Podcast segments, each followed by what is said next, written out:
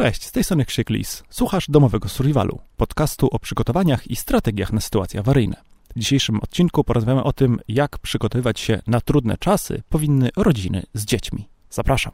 Rozpiska tematów, które poruszamy, będzie oczywiście na blogu. Od wielu dni robiłem sobie rozpiskę zagadnień, które chciałbym dziś omówić i jest ona naprawdę bardzo obszerna.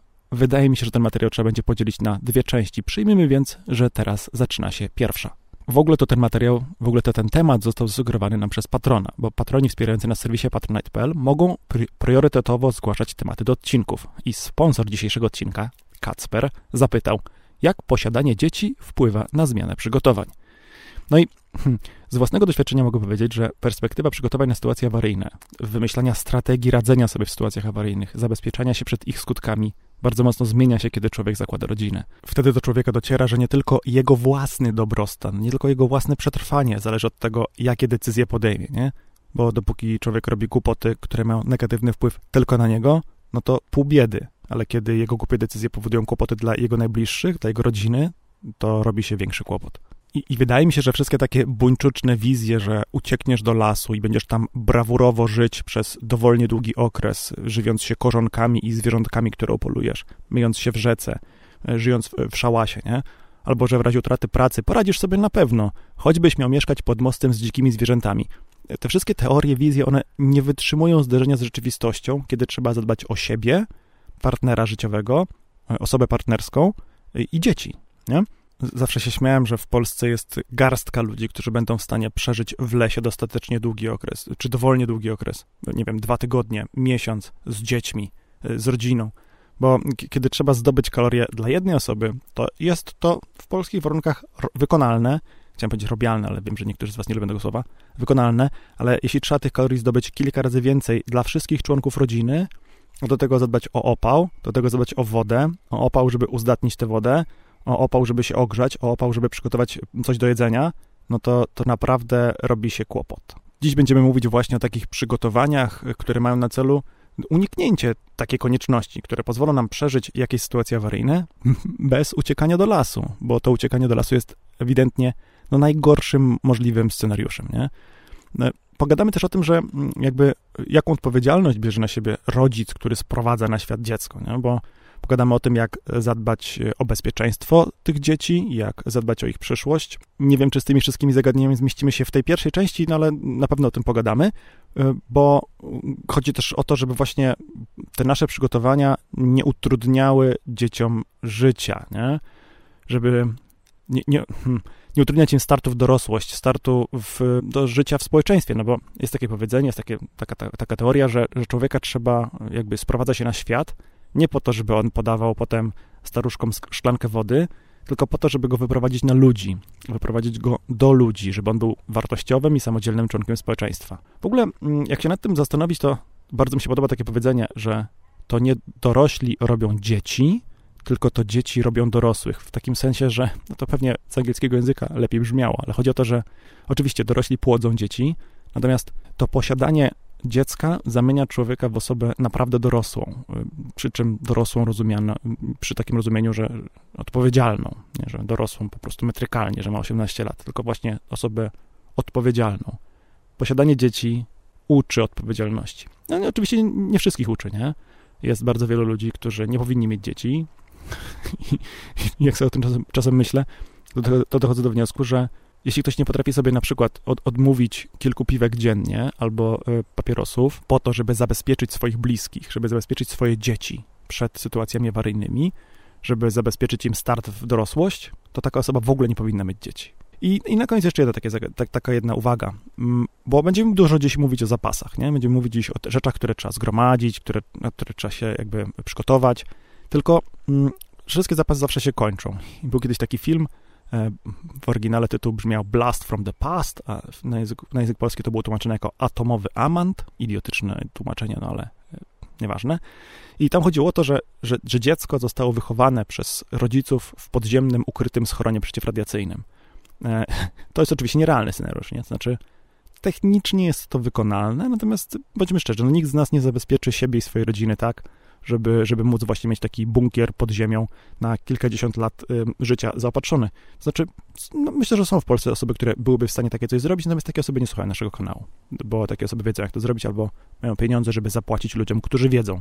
Może część z tych ludzi, którzy, którzy by zostali, y, którzy by dostali wynagrodzenie za budowę takiego schronu, oglądają nasz kanał. W każdym razie, y, no nie da się zrobić takiego zapasu na 20, 30, 40 lat. Nie da się. To jest nierealny scenariusz. Dlatego raczej zamiast starać się wymyślić, jakie potrzeby będzie miało to dziecko za lat 10, żeby kupować to dziś, trzeba po prostu y, zrobić zapas największy, jaki jesteśmy w stanie i, i uświadomić sobie, zrozumieć, przy, przygotować się do tego, że ten zapas ma nam pomóc tylko w okresie przejściowym. On ma nam pomóc przetrwać kilka tygodni, miesięcy, pół roku, e, jakiejś tam zawieruchy światowej, lokalnej. Ma nam pomóc przetrwać okres przejściowy. Ma nam ułatwić zorganizowanie życia na nowo natomiast y, no, no nie zabezpieczy nas przed skutkami dłuższych katastrof. Da nam poczucie bezpieczeństwa, poczucie spokoju, ale nie da gwarancji przeżycia, bo zawsze potrzeba czynnika S szczęścia. Wiadomo przecież, że szczęście sprzyja przygotowanym, więc musimy być przygotowani, ale musimy pamiętać, że same nasze przygotowania nie dają żadnej gwarancji przeżycia. Zacznijmy może od zestawu przetrwania dla rodzica z dzieckiem. Nie wiem, jak, jak wy, znaczy, bo pewnie część z was jeszcze nie jest rodzicami. Ja już jestem rodzicem od, od kilkunastu lat i muszę powiedzieć, że mnie posiadanie dziecka i, chodzenie z nim na spacery z wózkiem bardzo szybko nauczyło, co jest potrzebne w sytuacji awaryjnej. Tak jak ja już byłem wtedy preperem, chyba jeszcze nie wiedziałem, że to się tak nazywa, ale starałem się już właśnie przygotować siebie i rodzinę na sytuacje awaryjne, to właśnie wychodzenie z dzieckiem z wózkiem na wielogodzinne spacery nauczyło mnie, jakby dało mi taką dodatkową jeszcze warstwę tej, tej wiedzy, tych doświadczeń. No bo ja lubię na takie długie, długie spacery wychodzić z dzieckiem. Ja wziąłem kilka tygodni urlopu macierzyńskiego, który nam przysługiwał. Chyba wziąłem mm, maksymalnie dużą ilość tego urlopu macierzyńskiego, jaki, jaki mogłem wziąć wtedy. Wtedy też wchodził urlop ojcowski i ja wziąłem ten urlop ojcowski też taki cały, jaki mogłem i uważam, że to było super, super wyjście, bo bardzo pomogło mi się to zbliżyć do mojego pierwszego dziecka. W każdym razie, no te, te długie spacery nauczyły mnie bardzo szybko, że na przykład trzeba mieć oczywiście ze sobą w takiej dużej torbie zawieszonej na wózku zapasowe pieluchy. Nie? To, jest, to jest oczywiste że zabieramy ze sobą zawsze gdzieś wychodząc zapasowe pieluchy, choćbyśmy nawet mieli iść na chwilę, na, na godzinę. To zawsze trzeba zabrać zapasowe pieluchy. Mokre chusteczki, które są jednym z podstawowych środków zapewniania dzieciom higieny i oczywiście nie zastąpią jakby możliwości wykąpania tego dziecka. Natomiast chusteczek mokrych zapas zawsze starałem się mieć. Do dziś te chusteczki mokre lubię wozić ze sobą w samochodzie, staram się mieć w, takim zestawie do codziennego noszenia, w takich mniejszych opakowaniach, no teraz już w mniejszych, mniejszych ilościach, bo moje dzieci nie potrzebują już takich chusteczek tak, tak często, ale właśnie do umycia rąk z brudu, później, żeby je zdezynfekować. Uważam, że to jest super rozwiązanie i polecam, polecam każdemu. E, ciuchy na przebranie tego dziecka, bo pogoda się może zmienić, dziecko może się czymś oblać. Kiedyś na przykład, pamiętam, praliśmy. to jest śmieszna historia, bo pokazuje właśnie jak długo takie rzeczy mogą być potrzebne. Zresztą ciuchy na zmianę mogą być potrzebne dorosłemu. Y, nastąpiło oblanie się napojem w kinie. Nie? Y, no bo ten kubek, ja nie wiem, czy taki wiecie, kubek, do którego się nalewa kole w kinie, był niezbyt do, dokładnie zamknięty i tam został ściśnięty, trochę się go wylało tam na, na bluzkę. No i oczywiście można taką bluzkę mieć w zapasie. Ponieważ myśmy nie mieli tej bluzki w zapasie, trzeba było po skończonym seansie pójść do kinowej toalety, uprać i na całe szczęście tam w tym e, centrum handlowym była toaleta dla osób e, niepełnosprawnych, w związku z czym i, i rodzin z dziećmi, w związku z czym myśmy tam poszli i tę koszulkę najpierw, najpierw żeśmy zaprali, a potem w takiej śmiesznej suszarce do rąk żeśmy tę koszulkę zdołali wysuszyć. Także no, nie było tragedii, ale na pewno byłoby nam łatwiej, gdybyśmy ten ciuch na zmianę mieli. Tylko jaka jest granica wieku, przy której przestajemy nosić ze sobą takie rzeczy na zapas? Ja nie wiem, bo w sumie i mnie się teraz jako dorosłemu człowiekowi zdarza czymś zalać na przykład w, w biurze, nie? A nie mam tam koszuli na zmianę. Dodatkowe ciuchy, kiedy zrobi się zimno, ciepło, bo to mówiliśmy o, tak, o takiej właśnie, że dziecko coś ma na sobie i takie same ciuchy zabieramy na zmianę na wypadek, gdyby się ubrudziły, zachlapały, podziurawiły, cokolwiek. No i jeszcze do tego trzeba wziąć dodatkowe ciuchy, jeśli zrobiłoby się albo cieplej, albo zimniej. Może czapkę, Masz nawet nie czapkę, tylko takiego bafa, z którego można zrobić czapkę, szalik, arafatkę. Arafatka też jest dobrym rozwiązaniem. Z arafatki można też zrobić osłonę na głowę. E, jedzenie. Zawsze należy brać ze sobą jakieś jedzenie. Oczywiście dostosowane do wieku. Najlepiej, żeby, najlepiej, żeby to jedzenie było w miarę zdrowe, nie? Jakieś tam jabłuszko, jakieś warzywa, a nie, że tylko ciastka. Mm, tym bardziej, że w wielu miejscach łatwiej jest kupić ciastka, łatwiej jest kupić batonika, niż coś zdrowego do jedzenia, więc jak staramy się dzieciom e, jakby minimalizować ilość zjadanych przez nie słodyczy, co procentuje w przyszłości, no to warto jest takie rzeczy mniej słodkie, czy, czy w ogóle niesłodkie, nie słodycze ze sobą zabierać. Woda. Do picia oczywiście woda. Nie tylko do picia, bo też do zrobienia czegoś do jedzenia. Na przykład jeśli dziecko pije mleko modyfikowane, to e, no, my nie zabieraliśmy ze sobą na spacery jakby całej, całej puszki z tym mlekiem i wody, tylko wsypywaliśmy odpowiednią porcję mleka w proszku do umytej, suchej butelki, potem z drugiej butelki z wodą źródlaną przelewaliśmy tę wodę do butelki, mieszaliśmy i było gotowe jedzenie. Więc po to też woda. No ale woda też przydaje się, żeby umyć ręce, e, bo te mokre chusteczki zawsze wystarczają. E, no, także woda. Smoczki, jak dziecko je korzysta ze smoczków, to smoczków trzeba mieć kilka. Chociaż okazję, kiedy dziecko zgubi smoczek albo wyrzuci go, można potraktować jako moment, żeby, żeby z tych smoczków zrezygnować na stałe. Czy to zadziała zawsze? W każdym sytuacji? W każdej sytuacji? U każdego dziecka? Nie. No to więc noście ze sobą więcej niż jeden smoczek.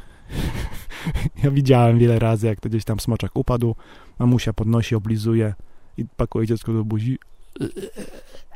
Obrzydzenie mnie bierze, jak o tym myślę. Tym bardziej, że to wcale nie jest zdrowe, bo po co bakterie z, własnej, z własnych ust wprowadzać do ust dziecku? Bez sensu. Więc smoczki w liczbie więcej niż jednej. No, ten, co spadnie na, na ziemię, gdzieś tam się zapiaszczy, można go opłukać wodą, potem go zdezynfekować jakimś płynem ze spirytusem, potem go jeszcze raz opłukać wodą z tego płynu, żeby dzieci, dziecka nie karmić spirytusem. Można, ale, ale czemu nie mieć po prostu więcej niż jednego smoczka? Są też takie łańcuszki do smoczków, żeby w razie czego jak wypadnie z, z ust dziecku, to żeby nie spadł na podłogę, tylko no to też jest rozwiązanie. Druga butelka, dokładnie z tych samych względów, butelka też może wypaść. Z, nie wiem, czy wasze doświadczenia są podobne. Ja zauważyłem, że z butelką z mlekiem, ze smoczkiem jest podobnie jak z kanapką z masłem. Zawsze upada masłem na, na, podłogę. I tak samo ta butelka opadała zawsze tym smoczkiem na ziemię. Także druga butelka. Coś na odparzenia, e, jak się z dzieckiem dużo chodzi, ale też jak się nie chodzi. Odparzenia biorą się nie tylko od chodzenia, odparzenia się biorą też od, od pieluch. Mm. Według informacji od jednego z naszych fanów na Facebooku, właśnie podobno rodziny, e, dzieci, e, rodzice, jeszcze raz, rodziny uciekające z Ukrainy z dziećmi miały właśnie problemy z tymi odparzeniami. Co konkretnie jest na odparzenia najlepsze, to trudno mi powiedzieć. U nas sprawdzał się sudokrem. Do dziś mam sudokrem w zestawie ewakuacyjnym bo on podobno również świetnie działa na odparzenie wynikające z długiego marszu. Ja wprawdzie z tego, z niego w tym celu nie korzystałem, ale gdzieś tam sobie leży. Nie jest, nie, nie jest to drogie. Te opakowania też, jest też w małych opakowaniach, w związku z czym nie trzeba kupować do takiego dużego słoiczka, dużego pojemniczka. No i to jest zestaw, który się zabiera ze sobą jakby idąc na spacer z wózkiem, no ale potem też jakby pakuje się go do samochodu.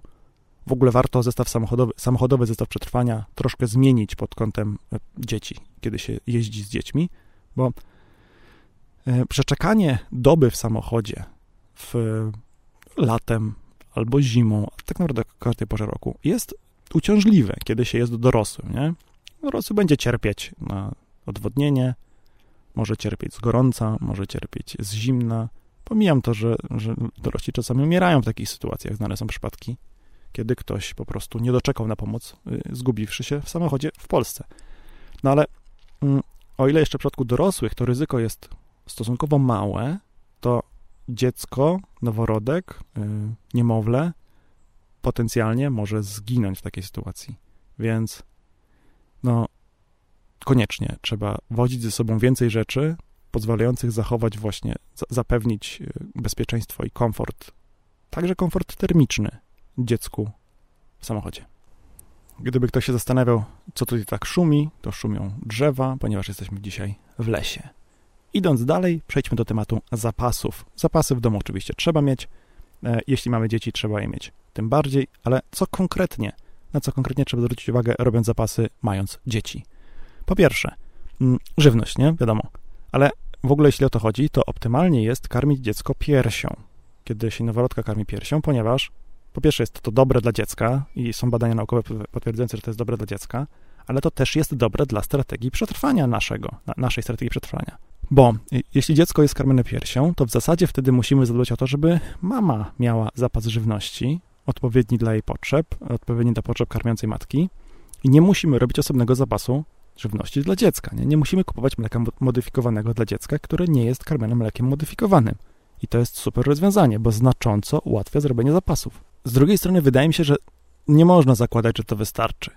Jednak dzieci czasem przestają jeść naturalny pokarm, czasami kobiety przestają mieć laktację, więc jeśli chcemy budować strategię przetrwania na dłużej, to myślę, że mimo wszystko dobrze byłoby mieć zapas e, jakiegoś mleka takiego modyfikowanego w proszku.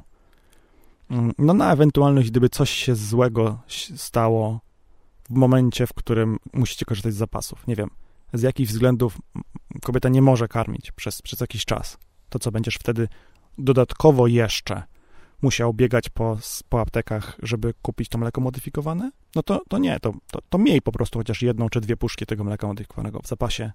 Zanim w ogóle przyjdzie potrzeba, zanim po raz pierwszy pojawi się potrzeba skorzystania z tego mleka. E, drugą taką dobrą bardzo zasadą jest, żeby dziecko jadło to, co wy. Im szybciej, tym lepiej. Oczywiście, nie wprowadzamy nowych pokarmów do jadłospisu dziecka w sposób niezgodny z wytycznymi lekarza. To nie jest tak, że sześciomiesięczne dziecko powinno jeść schabowego i ogórki kiszone.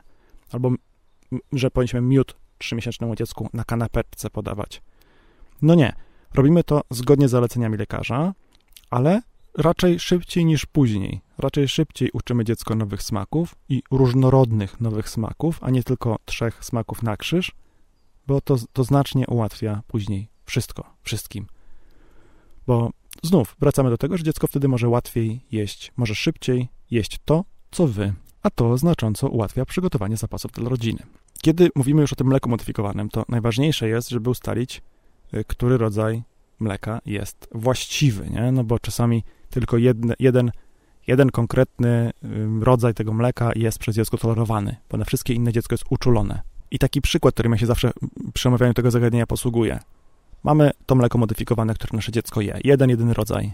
Mamy jedną puszkę, bo akurat tam się kończy, jest niedziela wieczór, yy, oczywiście niedziela niehandlowa, wiadomo, teraz w Polsce nie ma innych. No i yy, upada nam ta puszka na podłogę, wysypuje się zawartość. Nie będziemy tej zawartości tego, tej, tej puszki zbierać i dziecku dawać raczej, nie? Może z wierzchu coś, co nie miało kontaktu z podłogą. No to może zrobimy z tego pół porcji. I potem trzeba zapakować to dziecko głodne do samochodu, z butelką z wodą i jeździmy później z tym dzieckiem po całym powiecie albo po połowie województwa, szukając jakiejś całodobowej apteki, w której przypadkiem akurat mają tę jedną markę i ten jeden rodzaj mleka modyfikowanego, nie? Z, z drącym się na tylnym siedzeniu głodnym dzieckiem, spoconym z wściekłości, nie? Bo głodnym. To no, ja nie chciałbym być w takiej sytuacji. Naprawdę nie chciałbym być w takiej sytuacji, więc starałem się zawsze mieć, kiedy była taka potrzeba, zapas odpowiedniego mleka modyfikowanego. Dobra. Idąc dalej, patrząc w takiej szerszej perspektywie, czasem dzieci mają celiakię, nie? czyli nie mogą jeść glutenu. No i na przykład moja mama w swojej książce kucharskiej zapisywała przepisy bezglutenowe, zanim urodził się, zanim się urodził najmłodszy członek naszej rodziny bo zakładała, że to dziecko, które się tam jeszcze w przyszłości może urodzić, zakładała, że to dziecko może mieć celiakię, więc już wtedy za robiła, za za robiła zapasy przepisów. Zapisywała sobie w książce kucharskiej, w swoim notatniku, przepisy bezglutenowe. Myślę, że warto jest pod tym kątem mieć również część zapasu żywności. Czyli nie tylko makarony, lecz także ryż, który jest bezglutenowy. Pieluchy. Wspomniałem o tym, że pieluchy trzeba mieć idąc gdziekolwiek, czy jadąc gdziekolwiek samochodem. I Lars, Lars Peter Otzen, który na naszym blogu e, opowiadał o kryzysie na wyspie, na której studiował, e, kiedy, kryzysie, który spowodowany był, że, że spowodowany był strajkiem, w którym strajkował między innymi załogi promów i on wspominał, że wtedy był bardzo, bardzo duży problem z pieluchami, bo po prostu one zniknęły ze sklepów, a potem podrożały, bo pojawił się import, ale oczywiście były bardzo, bardzo drogie. Rozwiązaniem tego problemu oczywiście jest to, żeby dzieci jak najwcześniej odpieluchować, żeby po prostu przestały chodzić z pieluchami. To jest rozwiązanie najlepsze, bo rozwiązuje to problem, nie? Jak dziecko nie potrzebuje pieluch, to nie potrzebuje pieluch, kropka. I znów warto jest to robić jak najwcześniej, ale w sposób bezpieczny, w sensie nie jakimiś szalonymi metodami, nie, niezweryfikowanymi przez naukę, tylko jeśli możemy robić to szybko, w sposób bezpieczny, tak żeby dziecku nie zrobić krzywdy, to jak najbardziej trzeba to robić. Można oczywiście zamienić pieluchy jednorazowe na pieluchy wielorazowe, takie co to się pierze, nie? Takie co to były używane w czasach, kiedy ja byłem dzieckiem, te 40 lat temu. ale, ale czy to by na pewno jest lepsze rozwiązanie? No bo trzeba je prać, nie? No i teraz albo mamy zapas pieluch, albo mamy tych jednorazowych, albo mamy zapas pieluch wielorazowych i zapas wody, zapas płynu, jakieś miski, żeby móc je prać, żeby móc je dezynfekować, więc albo, albo. Tak naprawdę, no, nie potrafię powiedzieć, które rozwiązanie jest lepsze, ale musicie, musicie po prostu też to uwzględnić.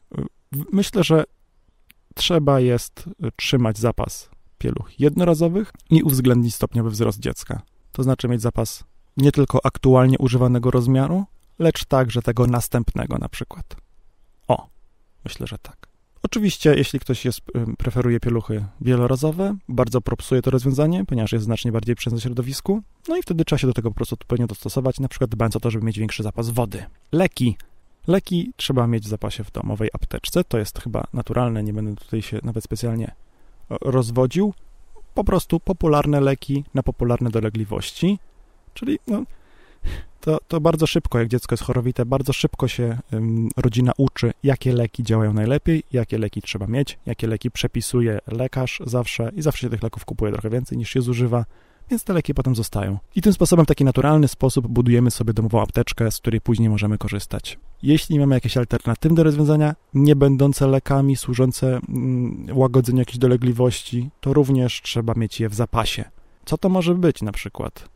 Może to być na przykład y, sól fizjologiczna do płukania nosa. Można sobie zrobić zapas soli fizjologicznej, można sobie, sobie zrobić zapas soli i z soli i z wody z kranu przefiltrowanej przez y, taki filtr dzbankowy, który usuwa minerały. Możemy zrobić coś, co wydaje mi się dostatecznie dobrze zastępuje sól y, fizjologiczną na potrzeby płukania nosa na przykład. Może jakiś syrop z, nie wiem, pędów sosny na przykład z tych świeżych takich odrostów sosnowych albo sosnowych szyszek. Może ten syrop akurat u twoich dzieci dobrze spisuje się na kaszel. No to, to trzymaj go w większych ilościach w zapasach na kaszel. Wreszcie woda, zapas wody. Dorosły jest w stanie umyć się za pomocą gąbki e, i litra wody. Myślę, że przy odrobinie szczęścia można wystarczyłoby mu pół litra. Taka gąbkowa e, kąpiel jest prawie tak samo dobra jak e, prysznic, Wiadomo, że nie jest idealna, ale jest prawie tak samo dobra. Natomiast dziecko dobrze jest czasem wykąpać w całości, jeśli się obsra po szyję, nie? Trzeba je wykąpać, a potem przebrać. I idąc na spacer z dzieckiem z wózkiem, po to zabieramy mokre chusteczki i pieluchy i ciuchy na zmianę, żeby jak się dziecko obsra po szyję, to żeby je móc przebrać.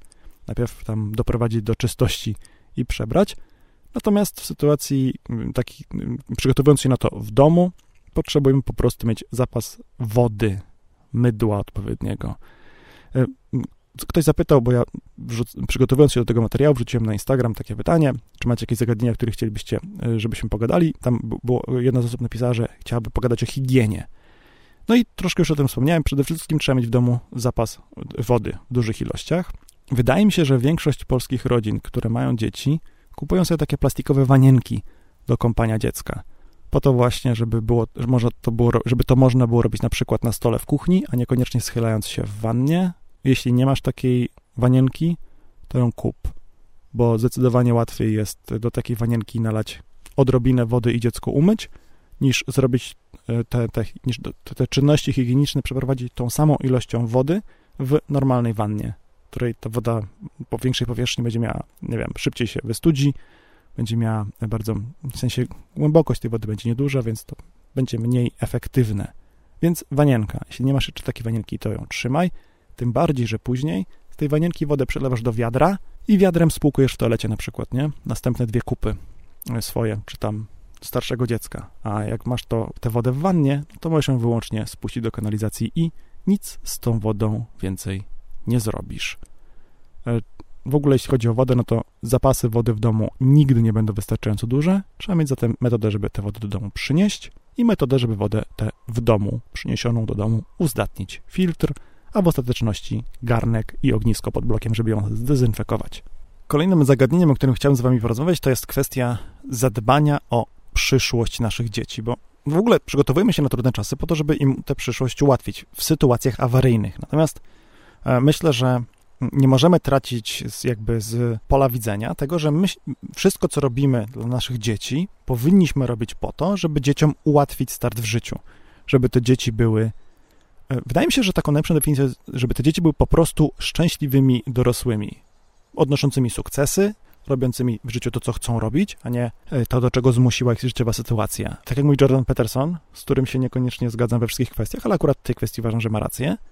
Zadaniem rodziców jest wychować dziecko, które w dorosłym życiu będzie sobie dobrze radzić w społeczeństwie i będzie przez to społeczeństwo pożądane. Nie tylko, że będzie tolerowane, tylko, że będzie pożądane, że to będzie wartościowy członek społeczeństwa.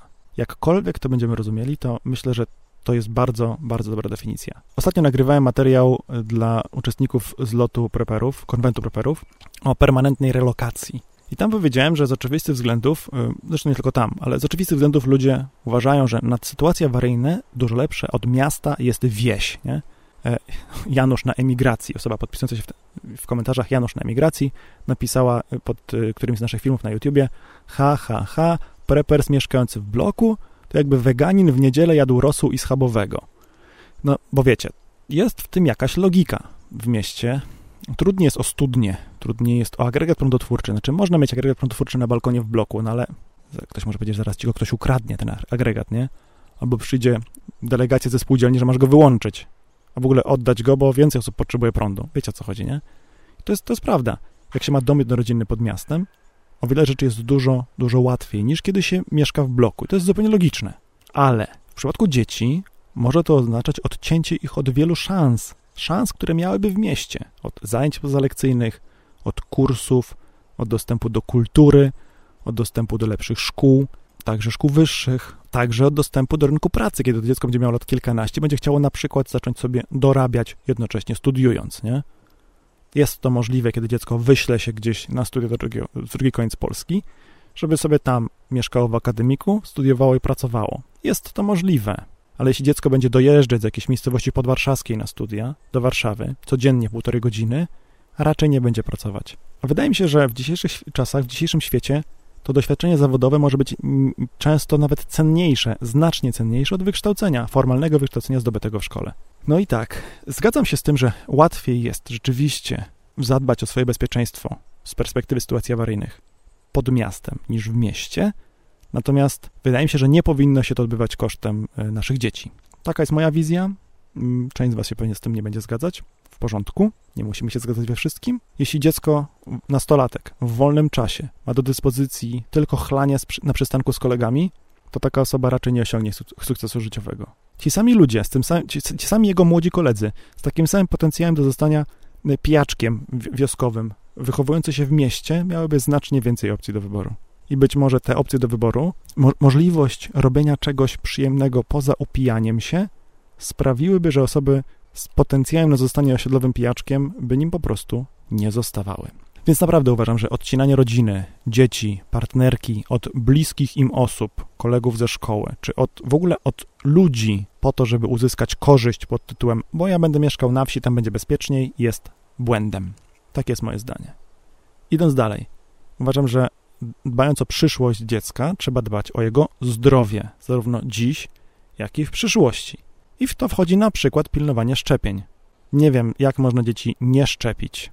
Nie wiem. To znaczy, wiem, można po prostu być ofiarą antyszczepionkowej propagandy. Trochę szkoda, trochę współczuję osobom, które, które y, są w ten sposób zmanipulowane. Uważam, że należy pilnować szczepień nie tylko obowiązkowych. Uważam, że czasem warto jest zaszczepić dziecko na dodatkowe rzeczy. Nie na wszystkie dodatkowe rzeczy będące na rynku moje dzieci były szczepione. Nie? Ale na przykład wirus HPV, szczepienie na HPV, czyli wirus brodawczaka ludzkiego, uważam, że jest, to, to szczepienie jest świetnym wyjściem bo ono znacząco zmniejsza ryzyko raka. Cytując za portalem zwrotnikraka.pl, przetrwałe zakażenie wywołane przez onkogenne typy HPV odpowiada za niemal wszystkie przypadki raka szyjki macicy i zmian przedrakowych szyjki macicy. Polsce rozpoznaje się rocznie około 4,5 tysiąca nowych przypadków zachorowań, przy czym połowa kobiet dotkniętych rakiem szyjki macicy umiera. Rozumiecie, o co tu chodzi? Mamy 40 milionów obywateli. 20 milionów z nich to powiedzmy kobiety, tak? 4,5 tysiąca z nich ma co roku raka macicy i zmiany przedrokowe i połowa z nich umiera. Co roku. A można temu zapobiec. Można temu zapobiec szczepiąc dziewczynkę, zanim rozpocznie życie seksualne, na HPV. To nie są drogie rzeczy. Czyli dziś inwestujecie w dłuższe życie, w zdrowie waszej córki w wieku lat 50, czy 40 kilku, czy 60. Dlaczego by tego nie robić? Nie potrafię znaleźć odpowiedzi na to pytanie, pomijając to, że no dobra, rozumiem, nie każdego na to stać. W porządku.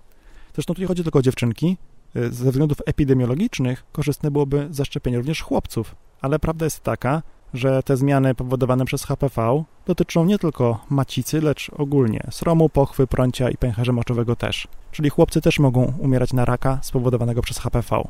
Analogicznie dbamy o zęby. Zęby o to, żeby były proste, czyli trzeba je wyleczyć i wyprostować.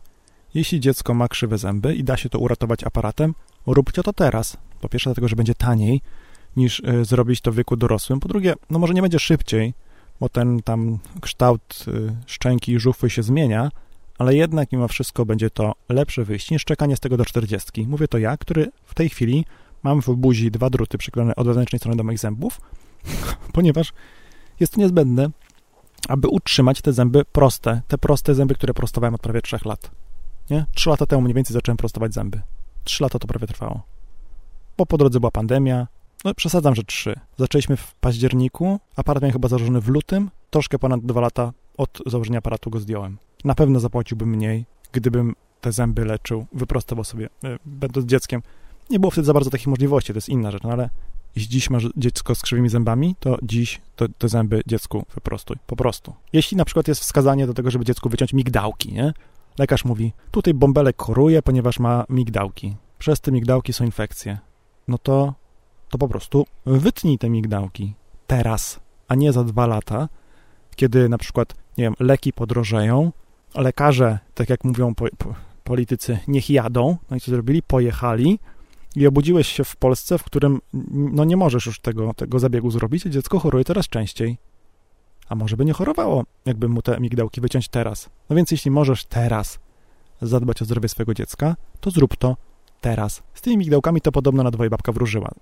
U części dzieci to pomaga świetnie, u części to nie daje nic, więc y, możesz iść do innego lekarza, jeśli nie masz przekonania, że to jest dobra decyzja. Ale idź do tego drugiego lekarza, dowiedz się, czy to jest, y, czy on również zaleca wycięcie migdałków, a jeśli tak, to zróbcie to. Polski system edukacji, jaki jest, to każdy widzi, nie? No i niestety mam troszkę wrażenie, że lekarzem, wróć, nauczycielem. Nauczycielem w Polsce zostaje albo ktoś, kto ma pasję, albo ktoś, kto nie mógł w życiu osiągnąć niczego innego. I to źle brzmi, ja wiem, ale takie są fakty. Kiedy ja szedłem na studia, to znają tę, taką dziewczynę na przykład, która chciała być prawniczką i zdawała na prawo, nie dostała się na prawo, więc poszła na jakieś studia humanistyczne, zdaje się na polonistykę. Znaczy jej założenie było takie, że jeśli nie będzie mogła być prawniczką, to chociaż będzie nauczycielem. Rozumiecie, nie? Mam plan na życie A, a jak się nie uda, to będę nauczycielem. Ponieważ nie wyszło mi, nie jestem dostatecznie dobry, żeby być prawnikiem, ale jestem dostatecznie dobry, żeby być nauczycielem. Inna kwestia, że nie okłamujmy się, jak wiele trzeba umieć, może nie, jak wiele trzeba wiedzieć, żeby móc nauczyć trzylatka rysować w przedszkolu, albo jak wiele trzeba wiedzieć, żeby nauczyć dziesięciolatka liczyć w podstawówce. Nie trzeba wiedzieć wiele. Trzeba mieć pewien zestaw umiejętności, nie? Takie podejście do dzieci na przykład, umiejętności, nie wiem, takiego metodycznego prowadzenia zajęć. To jest inna kwestia, ale wiedzy za wiele nie trzeba, no. Dziecko z czwartej klasy może nauczyć dzieciaka z trzeciej klasy matematyki albo geografii. Znaczy, trzeciej i czwartej klasie nie ma geografii. Ale pamiętam, że ja, będąc w podstawówce, pomagałem młodszym dzieciom w nauce geografii, bo akurat z geografii byłem bardzo dobry i pomagałem im w tym. I jakoś to działało. Może w tej chwili już nie ma takiej negatywnej selekcji do zawodu nauczyciela. Wydaje mi się, że ona jednak jest, ale może już nie ma. Ale ci ludzie, którzy zaczynali studia razem ze mną, czyli teraz mają około 40, ci ludzie z tej negatywnej selekcji wtedy, dziś mają około 40 i dziś są nauczycielami w szkołach. Jest takie powiedzenie, że żeby nie dawać dzieciom, dzieci uczyć swojemu wrogowi. Ja nie do końca zgadzam się, żeby państwo, aparat państwa był naszym wrogiem, ale państwowa edukacja, rządowa edukacja, w której to rządowej edukacji dziecko uczy się tego, co rząd uznał za właściwe, no nie, jeśli ktoś się nie zgadza z, tymi, z tym światopoglądem wyznawanym przez rząd i przez ministra edukacji, taka osoba powinna z całą pewnością dziecko ze szkoły zabrać najbardziej, jak się tylko da. Uważam, że warto zadbać o to, żeby dzieci wychowywały się w środowisku wolnym od przemocy i indoktrynacji. Przemocy, bo w szkole niestety dzieciaki się leją. I nie przekonuje mnie, że boys will be boys, że tak po prostu jest, że dzieci się biją. Nie. To, to, to ma status memu, że nauczycielka, kiedy dwóch chłopców, dwoje dzieci, niezależnie jakiej płci, się pobije, mówi: Nie obchodzi mnie, które z was zaczęło, przeproście się nawzajem, podajcie sobie ręce. Wyobrażacie sobie takie coś w dorosłym życiu? Ktoś kogoś napada na ulicy, tamten się broni, rozkwasza tę pierwszemu nos, przychodzi pan policjant, mówi, nie obchodzi mnie kto zaczął, przeproście się nawzajem, podajcie sobie ręce. Nie. I ludzie mówią, że szkoły uczą bycia, życia w społeczeństwie. tak, ale też nie, bo sposoby rozwiązywania konfliktów między dziećmi w szkołach nie mają nic wspólnego z rozwiązywaniem konfliktów między dorosłymi w dorosłym życiu. Jeśli dzieci w szkole się biją i dostają karę na zasadzie przeproście się nawzajem, podajcie sobie ręce, to w dorosłym życiu druga, trzecia taka bójka spowodowałaby odsiadkę, nie? A w dzieciństwie nie. I czy to tak być powinno? Nie wiem, ale nie mam przekonania, że szkoła, że takie podejście uczy dzieci życia w społeczeństwie, w dorosłym, w dorosłym społeczeństwie. Też dobrze byłoby, żeby środowisko, w którym wychowywało się dziecko, było wolne od indoktrynacji, żeby nie uczyło się na przykład rzeczy, które są niezgodne ze światopoglądem rodziców. Na przykład, że świat ma 2000 lat. Tylko tutaj jest trochę pewien taki problem, bo nie zawsze rodzic wie najlepiej, co jest dla dziecka dobre. To znaczy, może być przekonany, że wychowywanie go w duchu jakichś tam, jakichś tam wierzeń, jakiegoś tam światopoglądu jest dobre, natomiast no może to niekoniecznie być dobre i właściwe. To dotyczy zwłaszcza na przykład edukacji seksualnej. Mało który rodzic jest, bądźmy sobie szczerzy, no, jest dostatecznie dobrze wyedukowany w tej kwestii, żeby móc uczyć dzieci, e, żeby móc jakby być tym przewodnikiem w zakresie wychowania seksualnego. Bo po prostu nie ma do tego kompetencji, zresztą ja też nie. I uważam, że to akurat mógłby lepiej robić fachowiec, który przychodzi do tej szkoły, niż rodzic. Pomijam już kwestię, że takie rozmowy są zawsze kłopotliwe, nie? krępujące dla rodzica i dla dziecka, ale to jest inna kwestia. W każdym razie, podsumowując cały ten przydługi punkt, warto jest się zastanowić, czy dziecka nie zabrać z rządowej szkoły do takiej, gdzie to minimum pozna, a jednocześnie nie będzie indoktrynowane. A może da się to zrobić w obrębie już istniejącej tej publicznej szkoły. Może trzeba po prostu zacząć się angażować w, w życie tej szkoły, zacząć kontestować to, co nauczyciele tam mówią i wymagać od nich czegoś więcej niż tego, co robili zawsze. Wreszcie kolejna kwestia. Warto zadbać o to, warto zadbać o to, by dziecko wychowywało się w czystym, wolnym od skażeń otoczeniu. Ale jak to, Krzyśku, przecież mówiłeś, że ma mieszkać w mieście, bo w mieście ma więcej szans, a na wsi jest czyste powietrze. No niby tak, ale wcale nie do końca. Wystarczy zobaczyć podwarszawskie czy podkrakowskie miejscowości, w których ogrzewa się domy węglem, takim często podłym, a teraz jak tego węgla, nawet tego podłego nie będzie, będzie się paliło tam kaloszami? Nie. No słuchajcie, skażone powietrze to jest gorszy rozwój dziecka. To jest także gorszy rozwój płodu w fazie płodowej. Badania wskazują na zwiększone ryzyko przedwczesnego porodu, niskiej wagi, wagi urodzeniowej oraz wad wrodzonych u dzieci, które wychowywały, znaczy u płodów, których matka przebywała w miejscu o dużym zanieczyszczeniu powietrza. No i jak to rozwiązać? Na przykład kupcie filtr, oczyszczacz powietrza. Nie?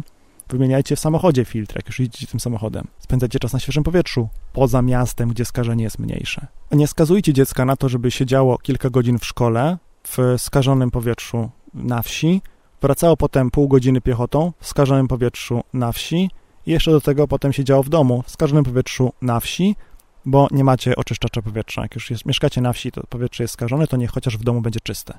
I to się pewnie wielu z was nie spodoba, ale mam to w dupie, bo to nie chodzi o was, tylko o wasze dzieci. Jeśli możesz, działaj na rzecz powstrzymania zmian klimatu.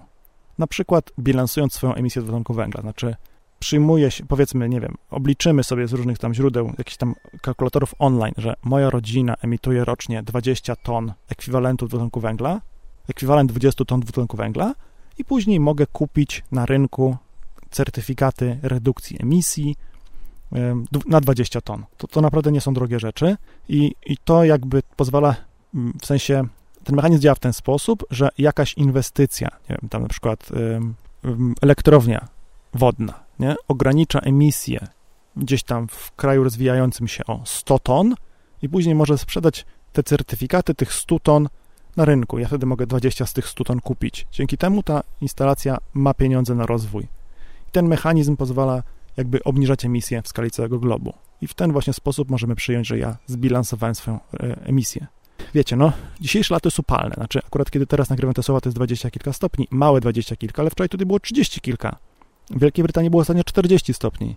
Dzisiejsze lato jest upalne, ale to jest jedno z najchłodniejszych lat z życia twojego dziecka. Nie? To najgorętsze lato, jakie pamiętam, ale to będzie jedno z najchłodniejszych lat w życiu twojego dziecka. Bo będzie tylko gorzej. I naprawdę uważam, że na łożu śmierci przyda się mieć czyste sumienie, kiedy nasze dzieci zapytają, dlaczego doprowadziliście świat do katastrofy klimatycznej. E, ja bym wolał mu dziecku odpowiedzieć, ponieważ za mało o tym mówiłem na kanale, a nie dlatego, że było mi wygodniej i chciałem oszczędzić kilkaset złotych rocznie na, e, nie wiem, bardziej ekologicznych działaniach. Także gorąco Was zachęcam do tego, żeby właśnie bilansować emisję dwutlenku węgla i ograniczać ją, żeby starać się powstrzymać zmiany klimatu, głosować na polityków odpowiedzialnych klimatycznie, podejmować odpowiedzialne decyzje zakupowe. O, tyle. Uczmy dzieci odpowiedzialnego korzystania z dobrodziejstw techniki. Telefonu, komputera, internetu. Wiecie, dzisiejsza młodzież tylko patrzy w ekrany, nic nie robi innego. No, ja też obserwuję swoje dzieci, patrzą w ekrany, ale oprócz tego mają czas na to, na to żeby siedzieć ze znajomymi, jeździć na rowerach, chodzić na pływalnię albo na desce jeździć, po prostu spędzać czas ze znajomymi. Oprócz tego, że grają w gry na telefonie, ale też grają w gry online ze sobą, z kolegami. Także zawsze się narzeka na młode pokolenie. Na każde młode pokolenie narzekało się zawsze od tysiącleci. Ja też słyszałem, że, że my z, z, moim rodzeństwem tylko po przyjściu do domu pieprzniemy plecakiem w przedpokoju, nawet nie zanosiliśmy go do pokoju i od razu biegliśmy do telewizora. Tak było. Ale jestem głęboko przekonany, że nasi dziadkowie byli przez swoich rodziców ganieni za to, że tylko rzucali telefon i siedli, siadali do radia, albo do książki, albo czytali książki po godzinach z latarką pod kołdrą. To dziś pod kołdrą się siedzi z telefonem. To samo w sobie nie musi być złe. Dlaczego? Bo przede wszystkim świat będzie coraz bardziej cyfrowy, coraz bardziej będzie świat związany z tymi urządzeniami. No i to, że dzieci mają te kompetencje cyfrowe, ponieważ nabywają je, no może nie z mlekiem matki, ale nabywają je korzystając z tych urządzeń codziennie, przez, przez, przez całe swoje życie, to nie jest nic złego, dopóki się od tych urządzeń nie uzależnią, dopóki te urządzenia nie są im niezbędne do, do, do szczęścia. Nie mówię, że do życia, ale do szczęścia, do takiego poczucia szczęścia. Kiedyś jechałem autobusem do pracy, stałem w strasznie długim korku, no i tam była taka pani, dziecko wiozła do żłobka, jechała z koleżanką. Wiem to wszystko, bo jechała z koleżanką i oczywiście wszystkie musiały gadać, nie? E, wiadomo. I nie robiły tego cicho, no bo po co? No nieważne. W każdym razie jechały te panie, to dziecko jechało, oglądało sobie bajki na YouTubie. No i w pewnym momencie tam się, ten autobus się jakoś mocno spóźniał, więc babeczka zabrała temu dziecku telefon. Dziecko oczywiście zaczęło protestować, bo chciała zadzwonić do żłobka, powiedzieć, że się spóźni, czy tam do przedszkola. No i tam pogadała, pogadała, oddała telefon dziecku, dziecko się uspokoiło, mówi do koleżanki, no widzisz, no uzależnił mi się od telefonu.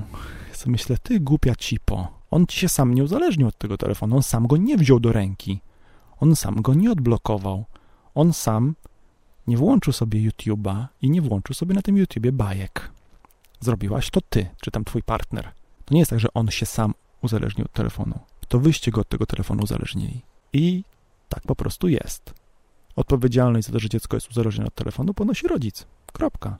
No i nie wyegzekwujesz tej rezygnacji z telefonu, y, robienia innych rzeczy, jeśli sam siedzisz przed ekranem non-stop.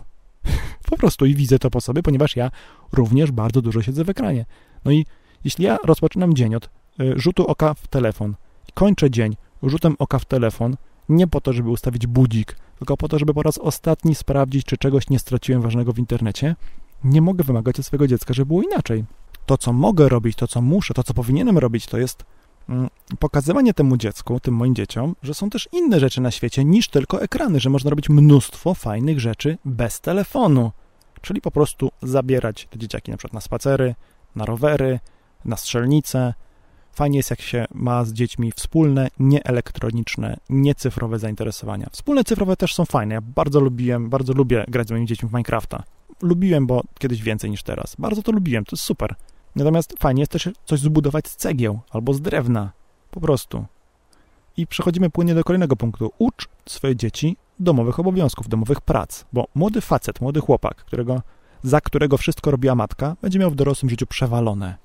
Jak tylko pojedzie, nie wiem, do tego akademika, czy do pracy w innym mieście i wyprowadzi się od was, i, i, i rzeczywistość mu przywali w ryj tym, że trzeba prać, trzeba gotować i zmywać, będzie w czarnej, no to, to niech się tego uczy, nie? Niech to robi po prostu. Dzieci powinny potrafić ugotować, posprzątać i uprać swoje rzeczy. Znaczy nie ugotować swoje rzeczy, ale ugotować dla siebie. Ugotować parę podstawowych rzeczy. Rosół, nie wiem, ugotować kartofle, a nie tylko przypalać wodę na herbatę. Ostatnio widziałem jakąś idiotyczną dyskusję na Twitterze, że ktoś tam pisał, że o, dlaczego jeszcze istnieją te kupie czajniki z gwizdkiem, które trzeba postawić na gaz i, i ten, jak są takie, co to robisz pstryk i jest woda. No ale te czajniki są super, po prostu trzeba mi z nich korzystać. Ale jak się z nich korzysta? Ja nie wiem. Myślę, Boże. Albo gdzieś był jakiś taki film, gdzie nastolatek poszedł do jakiejś pierwszej pracy i to, to jest w ogóle absurd. Nie potrafił odczytać zegarka wskazówkowego na ścianie. No i trochę się z tego chłopaka śmiali, nie? Ale czyja to jest wina, że on nie potrafił tego zrobić? No przecież nie jego, rodziców. Znaczy, dobra, to już powiedzmy dorosły człowiek. Jeśli dorosły człowiek czegoś nie wie i nie podejmuje wysiłku, żeby tego się douczyć, to to jest to już e, taka trochę rozproszona odpowiedzialność. On sam jest za to odpowiedzialny. W każdym razie, uważam, że trzeba dzieci angażować w domowe prace. Powinny robić to, co rodzice. Nie wszystko. No wiadomo, że trudno, żeby dziecko na przykład, nie wiem, jak ojciec ma na przykład y, biznes transportowy i raz na jakiś czas odśnieża plandekę z, ze śniegu albo z lodu, trudno, żeby czterolatek to też robił. Ale czterolatek może sobie zrobić kanapki z pokrojonej wędliny i pokrojonego chleba, posmaruje sobie to masłem. Czternastolatek powinien być w stanie ugotować sobie obiad, kiedy starych nie będzie. Po prostu. Jeśli robicie coś razem, na przykład, nie wiem, coś remontujesz, wymieniasz kran, naprawiasz coś w samochodzie, może też niech ci dziecko w tym pomoże, nie? Oczywiście łatwiej będzie angażować dzieciaka do robienia rzeczy, które choć trochę go interesują, ale czasami trzeba to robić nawet jak go te, te rzeczy nie interesują. Jeśli na przykład naprawiasz rower tego dziecka, nie? Nie wiem, wymieniasz baterię, czy klocki hamulcowe w rowerze, czy dętkę, to zróbcie to razem, bo może następna awaria dętki przydarzy mu się na trasie. Może będzie w stanie kupić dętkę w sklepie, albo może będzie miał zapas tej dętki w, w nie wiem, tam w takim, takiej torebce pod siodełkiem, to wtedy będzie w stanie zrobić to sam na trasie, a nie będziesz musiał po tego dzieciaka jechać. On sam widzi, że to jest korzyść również dla ciebie. Teraz, nie? Pomijam to, że jest to korzyść w poprawę bezpieczeństwa tego dziecka. Także nie warto jest, żeby dziecko miało dwie lewe ręce, dlatego że rodzicowi łatwiej było coś zrobić samemu, niż pokazywać to dziecku. Wiadomo, że łatwiej jest coś zrobić samemu, niż to pokazywać dokładnie krok po kroku i jeszcze pozwolić dziecku coś robić. To tak samo jak łatwiej jest coś zrobić, niż zrobić i to nagrać. zrobienie czegoś i nagrywanie tego trwa 3-4 razy dłużej niż samo zrobienie tego. Ale mimo wszystko czasami warto. Tak jak ja uważam, że warto jest czasami coś robić i pokazać wam, jak się to robi, tak samo uważam, że warto jest robić coś i pokazać dziecku, jak się to robi, żeby to dziecko umiało później to robić i było w stanie później was w tej kwestii wyręczyć. Po prostu, żeby to dziecko było w stanie to robić zamiast was. Przede wszystkim słuchaj dziecka. Słuchaj dziecka i zadawaj mu pytania. Rozmawiaj z dzieckiem, nie? Nie tylko o tym, jak było w szkole. Jak było w szkole, zawsze na pytanie, jak było w szkole, usłyszysz, usłyszysz zawsze, że było dobrze. Są takie pomocnicze pytania, które skłaniają do głębszej refleksji albo do głębszej rozmowy. No to, to sobie, nie wiem, ściągnij taką listę pytań z internetu, jeśli nie umiesz. Rozmawiaj z dzieckiem, nie? Staraj się nie krytykować i nie oceniać wszystkiego, co on mówi. To znaczy, jedno z najgorszych rzeczy, którą rodzic może zrobić dziecku, które przyniesie czwórkę, to jest zapytać, a ile było piątek? A co miała Madzia? A co miał tam Krzyś? O, no tak, tak. Wiecie, to, to też jest takie memiczne. Moje pokolenie się z tego śmieje. Memiczne, że ty versus kolega twojej starej. Że kolega... Nie, czekaj, nie, nie. Syn koleżanki twojej starej. O, ty versus syn, syn koleżanki twojej starej, że on zawsze więcej sukcesów zawodowych osiąga. Zawodowych, edukacyjnych. No. Okej. Okay. Takie sytuacje się rzeczywiście zdarzają. Ale pytanie, ile było piątek? No nie. Po co ma twoje dziecko porównywać się zawsze do kolegów? Uważam, zresztą nie kłamymy się, oceny w szkole mają wpływ zupełnie na nic. W każdym razie, o co chodzi? Dlaczego nie, staraj się nie krytykować i nie oceniać? Bo chcesz osiągnąć taki stan, w którym jak dziecko coś zjebie, jak dziecko coś poważnie zepsuje, popełni jak, nawet popełni przestępstwo, nie? Zrobi jakiś duży życiowy błąd, to chodzi, ci, chodzi o to, żeby dziecko poszło po pomoc do ciebie, a nie do innych ludzi. Nie do obcych ludzi, nie do, żeby dziecko nie próbowało tego problemu rozwiązywać samo, czy z pomocą innych obcych ludzi. Po pierwsze, dlatego, że może sobie samo nie poradzić. Po drugie, dlatego, że kiedy dziecko zrobi coś złego, będzie bardziej podatne na jeszcze większe problemy. Przykładowo, dziecko zrobi coś złego, na przykład będzie molestowane, nie? I jeśli dziecko nie będzie nauczone, jeśli z dzieckiem nie rozmawiasz na temat tego, czym jest molestowanie, że gdzie jest granica bezpiecznego dotyku, kto może to dziecko dotykać, czy dziecko, jak, na czym polega asertywność, że możesz powiedzieć, że ci się coś nie podoba. Jeśli dziecka tego nie nauczysz, to dziecko będzie narażone na tego typu, y, na, na krzywdę, w ten, na to, że ktoś się w ten sposób skrzywdzi. Takie są fakty, po prostu. Ale nawet jeśli e, tego nie zrobisz, nie, nie zabezpieczysz dziecka w ten sposób przed tym, to jeśli przynajmniej to dziecko będzie miało poczucie, że zrobiło coś złego, bo dzieci czują, że to nie jest coś dobrego, że to nie do końca tak powinno wyglądać. Jeśli to dziecko będzie miało do ciebie pełne zaufanie, to to, dziecko, to, to, to dziecko do ciebie pójdzie i powie ci, tato, tutaj, mamo, y, miała miejsce taka sytuacja. Nie? To dziecko nie będzie tego ukrywać w sobie. To dziecko nie będzie na przykład mogło być szantażowane przez tego krzywdziciela, który powie, nie mów o tym mamie y, i obiecam, obiecaj, że nie powiesz mamie, ja też jej nie powiem, bo mamie będzie przykro albo bo mama cię skrzyczy, nie? Nie, no dziecko musi mieć poczucie, że może do was przyjść z każdym problemem, że będziecie starać się mu pomóc, a nie będziecie go od razu gnoić za to, że jest debilem, że jest idiotą, że zrobił błąd, bo to powoduje jeszcze większe problemy. Jak wpadnie w złe towarzystwo, to dobrze, żeby powiedziało, żeby jakby było w stanie o tym powiedzieć, bo wy mu możecie pomóc z tego towarzystwa się wygrzebać, łatwiej niż ono samo z tego się wygrzebie. E, ostatnio komentowałem jakiś film nagrywany przez Sylwestra Wardęgę i dziki farmer napisał taki komentarz, o ja odpowiedział, bo ja e, skomentowałem ten materiał, że, że super, to była jakaś taka drama, że jeden z twórców internetowych dru drugiego nazwał pedofilem, ponieważ ten, dru ten drugi podobno wysyłał swoje nagie zdjęcia do dziewczyn poniżej 15 roku życia, nie? To się nie do końca potwierdziło, więc teraz tego, który nazwał tamtego drugiego pedofilem, inni krytykują. No i oglądałem jeden z filmów krytykujących tamtego, tamtego asa. Napisałem, że fajny film, dobry research, yy, podziwiam. No i ktoś napisał, dziki farmer napisał, o ja, domowy survival ogląda rzeczy dla nastolatków. No i ja odpisałem, że no tak. To znaczy, to nie jest tak, że oglądam wyłącznie rzeczy dla nastolatków, ale jeśli mam dziecko w wieku nastoletnim, a mam, to dobrze byłoby, żebym wiedział, co się dzieje w świecie mojego nastoletniego dziecka. Co oglądają dzieci w wieku mojego nastoletniego dziecka. O czym gadają ze sobą. Pisaliśmy zresztą o tym chyba na Facebooku czy na Twitterze, że ta drama, ta konkretna drama jest bardzo dobrą okazją, żeby z dzieciakiem na ten temat porozmawiać. Skoro mówią o tym jego koledzy, skoro mówią o tym jego idole, skoro on się z tym tematem prawie na pewno zapoznał w internecie, to jest świetny moment, żeby z nim pogadać i powiedzieć, no słuchaj, co w ogóle o tym myślisz? Czy uważasz, że można wysyłać komuś nagie zdjęcia, jeśli on cię o to nie poprosi? A czy uważasz, że w ogóle bezpiecznie jest robić swoje własne nagie zdjęcia? A czy uważasz, że bezpiecznie jest je w ogóle komuś wysyłać? A jeśli ta osoba na przykład y, nie jest kimś, za kogo się podaje, a jeśli, ta, a jeśli ta osoba przestanie się lubić, to co wtedy, nie? Takie rozmowy trzeba prowadzić z dziećmi, które mają lat 10, a nie z dziećmi, które mają lat 14 czy 19. To, będzie, to wtedy może być za późno. A więc słuchaj, zadawaj pytania i staraj się po prostu w tym życiu dziecka uczestniczyć. Po to, żeby móc w odpowiedniej sytuacji, w, odpowiednim, w odpowiedniej, żeby móc w jakiejś kłopotliwej sytuacji w odpowiedni, pomocny dla dziecka sposób zareagować. Odkładaj pieniądze na start dziecka. To może być, e, to mogą być pieniądze na studia, to może być e, mieszkanie, to mogą być pieniądze na własny biznes, to może być wkład własny na, na kredyt mieszkaniowy. I ja na przykład jestem zwolennikiem takiej, takiej teorii, takiego modelu, żeby na przykład dziecku, które ma lat kilkanaście, powiedzieć, słuchaj, no dobra, ja nie będę cię zmuszał, żebyś poszedł na studia, czy żebyś poszła na studia.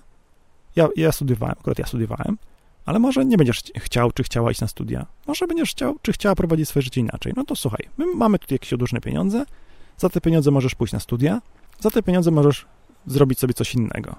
Jeśli chcesz sobie za to kupić dom i zrobić sobie koło niego samowystarczalną farmę, bardzo proszę. Pewnie ci tych pieniędzy nie starczy, ale może starczy ci chociaż na działkę. Jeśli chcesz sobie za te pieniądze kupić, nie wiem, trzy automaty pralnicze i wy, wynająć gdzieś e, lokal, żeby zrobić biznes z pralnią, bardzo proszę. Jeśli chcesz sobie za te pieniądze na rok wyjechać na studia za granicę, a pozostałe lata opłacić z własnych pieniędzy, bardzo proszę, nie? Czyli żeby nie, nie nakładać na dziecko jakichś takich oczekiwań swoich własnych, ale też, żeby dać mu taką, taką przestrzeń do wyboru, bo to w ogóle to jest idiotyzm, że w wieku lat 19, 18, 19 trzeba decydować o swoim całym dorosłym życiu. Wiadomo, że nie całym, ale podejmować decyzje, które mogą mieć wpływ na całe dorosłe życie. Oto na jaki kierunek studiów pójść. To jest idiotyzm, no ale tak, tak jest życie skonstruowane. Więc odkładaj te pieniądze na start dla dziecka. Odkładaj je dziś, bo dziś jest łatwiej odłożyć niż y, za 20 lat. Procent składany bardzo mocno pomaga w oszczędzaniu pieniędzy, jeśli, jeśli tylko jesteśmy ponad inflacją. Uważam, że warto jest wykupić ubezpieczenie na życie, jeśli się ma dzieci. I korzyści z takiej polisy doskonale pokazuje materiał pod tytułem Scenariusz Śmierć Riposta, który jest na naszym blogu. Tam w dużym skrócie chodziło o to, że, że czytelnik e, naszego, naszego bloga w jakiejś tam dyskusji o ubezpieczeniach na życie napisał, że on ma ubezpieczenie na życie i uważa, że to jest słuszne. Został za to skrytykowany, a potem się okazało, że bardzo szybko, że kilka tygodni po napisaniu tego komentarza umarła temu człowiekowi żona. Ta osoba pisze tak. Rano żegnałem się z żoną, syn z mamą. Wieczorem moja kochana żona już nie żyła, ledwo skończyła 40 lat, ja 39 i zostałem sam z 10-letnim synem. No i tutaj potem opisuję jakby w czym pomogło to ubezpieczenie na życie. Ubezpieczenie na życie oczywiście nie, przy, nie, przy, nie przywróciło mu żony do życia, natomiast ułatwiło mu mm, przetrwanie tego okresu przejściowego. I myślę, że naprawdę z tego ubezpieczenia na życie nie warto rezygnować, jeśli, jeśli jest nas tylko stać na jego opłacanie. Przy zarządzaniu zespołami jest taki, jest taki współczynnik, nazywa się to bus factor, czyli współczynnik autobusu. On jakby określa, ile osób może się wykruszyć z zespołu, jeśli ten zespół, zanim ten zespół przestanie spełniać swoje zadania, bo zabraknie osób, które, kluczowych osób, które mają wiedzę, wiedzę i umiejętności. To jest wymyślone w programowaniu, nie? Znaczy jakby, no, chyba przy programowaniu to zostało wymyślone. Sprawdzi się też w każdej innej branży, gdzie, gdzie jest potrzebna jakaś wiedza. I się to odnosi właśnie do tego ryzyka, że ta informacja, że informacje i wiedza nie będą sobie nawzajem przekazywane w zespole, że tylko kilka osób będzie miało kluczowe informacje, jak tych osób zabraknie, to po prostu zespół nie będzie mógł pracować. Ale wydaje mi się, że do rodziny też moglibyśmy to, za, to, to ten współczynnik zastosować. Co się stanie z twoją rodziną, jeśli ciebie uderzy autobus, jeśli ty wpadniesz pod, pod autobus, albo twoja żona? Co się stanie, kiedy obydwoje zginiecie w wypadku samochodowym, wracając na przykład skądś samochodem, nie? Wjedzie w was y, wywrotka z gruzem. Kto wtedy przejmie opiekę nad dziećmi? Rodzice chrzestni?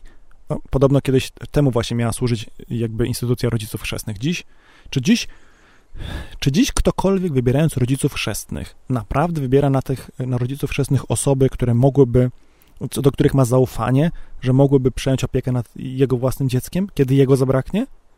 Nie, no. Pomijając najbardziej religijne rodziny, których jest stosunkowo mało, wybiera się ludzi kluczem, żeby kupił fajny prezent na komunię. Tyle. To jest idiotyzm, nie tak to powinno działać. No, w ogóle mm, zostawmy to. Ale w każdym razie, kto?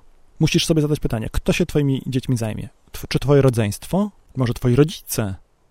Bo może są na tyle młodzi, że byliby w stanie się zająć twoim dzieckiem, nie? Ale czy, czy twoje rodzeństwo, czy twoi rodzice są do tego przygotowani? To znaczy, wiesz, czy, czy chcą, nie? Czy, czy wiedzą, czy zaakceptowali, że, że są twoim pierwszym wyborem pod tym kątem? Czy mają na tyle bliski, na tyle dobry kontakt z tymi twoimi dziećmi, żeby i dla nich, i dla twoich dzieci to nie było problemem? Czy, czy mają na to pieniądze, czy mają na to miejsce, mają dodatkowy pokój, gdzie mogliby twoje dzieci umieścić? Czy są wymienieni przez ciebie w testamencie i uposażeni, albo uposaże, wymienieni jako uposażeni w twojej polisie na życie, po to właśnie, żeby móc zaopiekować się twoimi dziećmi? No to jak nie są, to znaczy, że nie jesteś na to przygotowany. Jak ciebie i twojej żony zabraknie, dzieci będą w dupie albo w domu dziecka, czekając na adopcję. To yy, pomyśl teraz, co zrobić, żeby tak nie było, nie? Wreszcie, budujmy rodzinny majątek na pokolenia. Nie roztrwanie majątku, tylko inwestuj go w takie formy, które będą mogły przynosić korzyści nie tylko tobie, czy tobie na emeryturze, lecz także twoim dzieciom i twoim dzieciom na emeryturze, i twoim wnukom na emeryturze, i twoim prawnukom na emeryturze, i tak dalej, i tak dalej, i tak dalej. Sadź drzewa, w cieniu których będą siedzieć twoje dzieci i twoje wnuki, a nie te, które, które wyrosną e, tylko dla ciebie. No, żyjemy w biednym kraju, mimo wszystko. Te przekształcenia minionych 40 lat no, nie można powiedzieć, żeby Polakom, żeby Polacy mieli już taki, taki wielopokoleniowy majątek, który będą sobie przekazywać z pokolenia na pokolenie, bo no, no nie, no, ten majątek został najpierw zniszczony przez wojnę, potem zabrany przez państwo, potem e, przez te przekształcenia ten majątek stracił na wartości, więc musimy jako społeczeństwo dopiero takie majątki budować. To budujmy je. Budujmy je z głową. Ale też, zobacz, no, masz konto w banku, nie? Czy, czy, czy masz gdzieś zapisane, w jakim banku masz konta? Wszystkie? W Polsce na zapomnianych rachunkach bankowych zalega kilkanaście miliardów złotych, podobno. Znalazłem w jakimś artykule, do którego link jest w, w, w tekstowym zestawieniu zagadnień do tego materiału. Czy twoja rodzina, czy, czy twoja żona, czy, czy twoje dzieci wiedzą dokładnie, gdzie masz konta, żeby potem mogły pójść z aktem zgonu i, i z, z kwitem od notariusza i dostać te pieniądze? albo czy macie taką czy przekazujecie sobie taką wiedzę, żeby, żebyście mogli sko skorzystać z tego konta, zanim zakończy się postępowanie spadkowe? No, no właśnie. Więc to, żebyśmy ten majątek budowali, żebyśmy go nie tracili, to jest jedna rzecz. Druga, żebyśmy nie uniemożliwili jakąś taką głupią decyzją rodzinie dostępu do tego majątku. Tam banki mają obowiązek do kogoś się odezwać co kilka lat, jak nie mają pewności, czy żyje. No ale to co, to przez kilka lat twoje dzieci mogłyby z tych pieniędzy korzystać, a tak nie będą mogły, bo nie będą wiedziały, że tam masz konto. No to idiotyzm, idiotyzm. Jeśli masz działkę, sać tam las. No, to jest taka przenośnia trochę, nie? W sensie, żeby budować właśnie coś, co będzie służyć przez lata. Ten las nie jest złym wyjściem, tylko trzeba uwzględnić, że polskie przepisy pozwalają bez zezwolenia ścinać tylko drzewa młodsze niż dziesięcioletnie. Więc od razu zacznij ten las przycinać. Ten las, jak go dobrze zrobisz, może być na pokolenia źródłem dobrego, taniego, no bo w zasadzie bezpłatnego, ekologicznego opału dla ciebie i twojej rodziny. To, no to jak masz taką działkę, to, to zrób to. Nie? Uważam, że to jest super rozwiązanie. Może załóż plantację wierzby energetycznej. Może zadbaj o to, żeby retencja wody, żeby może załóż tam plantację wierzby energetycznej, może jakiś sad owocowy, potem będziesz mieć owoce, te owoce można sprzedać, można zrobić z nich, nie wiem, wino, śliwkowe na przykład, można zrobić e, z tych, może z tych gałązek później mieć opał. Zresztą opał drzew, drzewek owocowych jest chyba świetny do mm, wędzenia. To ścinać gałązki, re, do rębaka na gałązki i proszę bardzo na sprzedaż później z rębki e, drzewek owocowych do, do wędzenia. Super biznes, tak myślę. Jak masz działkę, dbaj o to, żeby woda z tej działki nie uciekała. Wody będziemy mieli w Polsce coraz mniej, znów zmiany klimatu, więc zadbaj o to, żeby ta woda po prostu w tej, działce, w tę działkę wsiąkała, a nie spływała gdzieś dalej. Żeby za kilkadziesiąt lat ta działka nie była przesuszona. Dbaj o poprawę jakości gleby, albo przynajmniej tej gleby nie pogarszaj. To znaczy, raczej jak ktoś ma działkę, z którą nic nie robi, to ta działka raczej nie będzie um, ulegać wietrzeniu, bo coś tam szybko wyrośnie no to, to niech tam sobie coś rośnie w ostateczności. Albo, nie wiem, jak nie masz pomysłu, to wydzierża w tę działkę na pastwisko. To tam zwierzątka zjadając i robiąc kupę poprawią trochę jakość tej gleby. A na pewno jest to, to lepsze rozwiązanie niż nie robić z tą działką niczego. I wiecie co? Myślę, że to jest dobry moment, żebyśmy tu postawili kropkę i pozostałe zagadnienia, żebyśmy mówili w kolejnej, drugiej części tego materiału. Do usłyszenia, trzymajcie się. Cześć.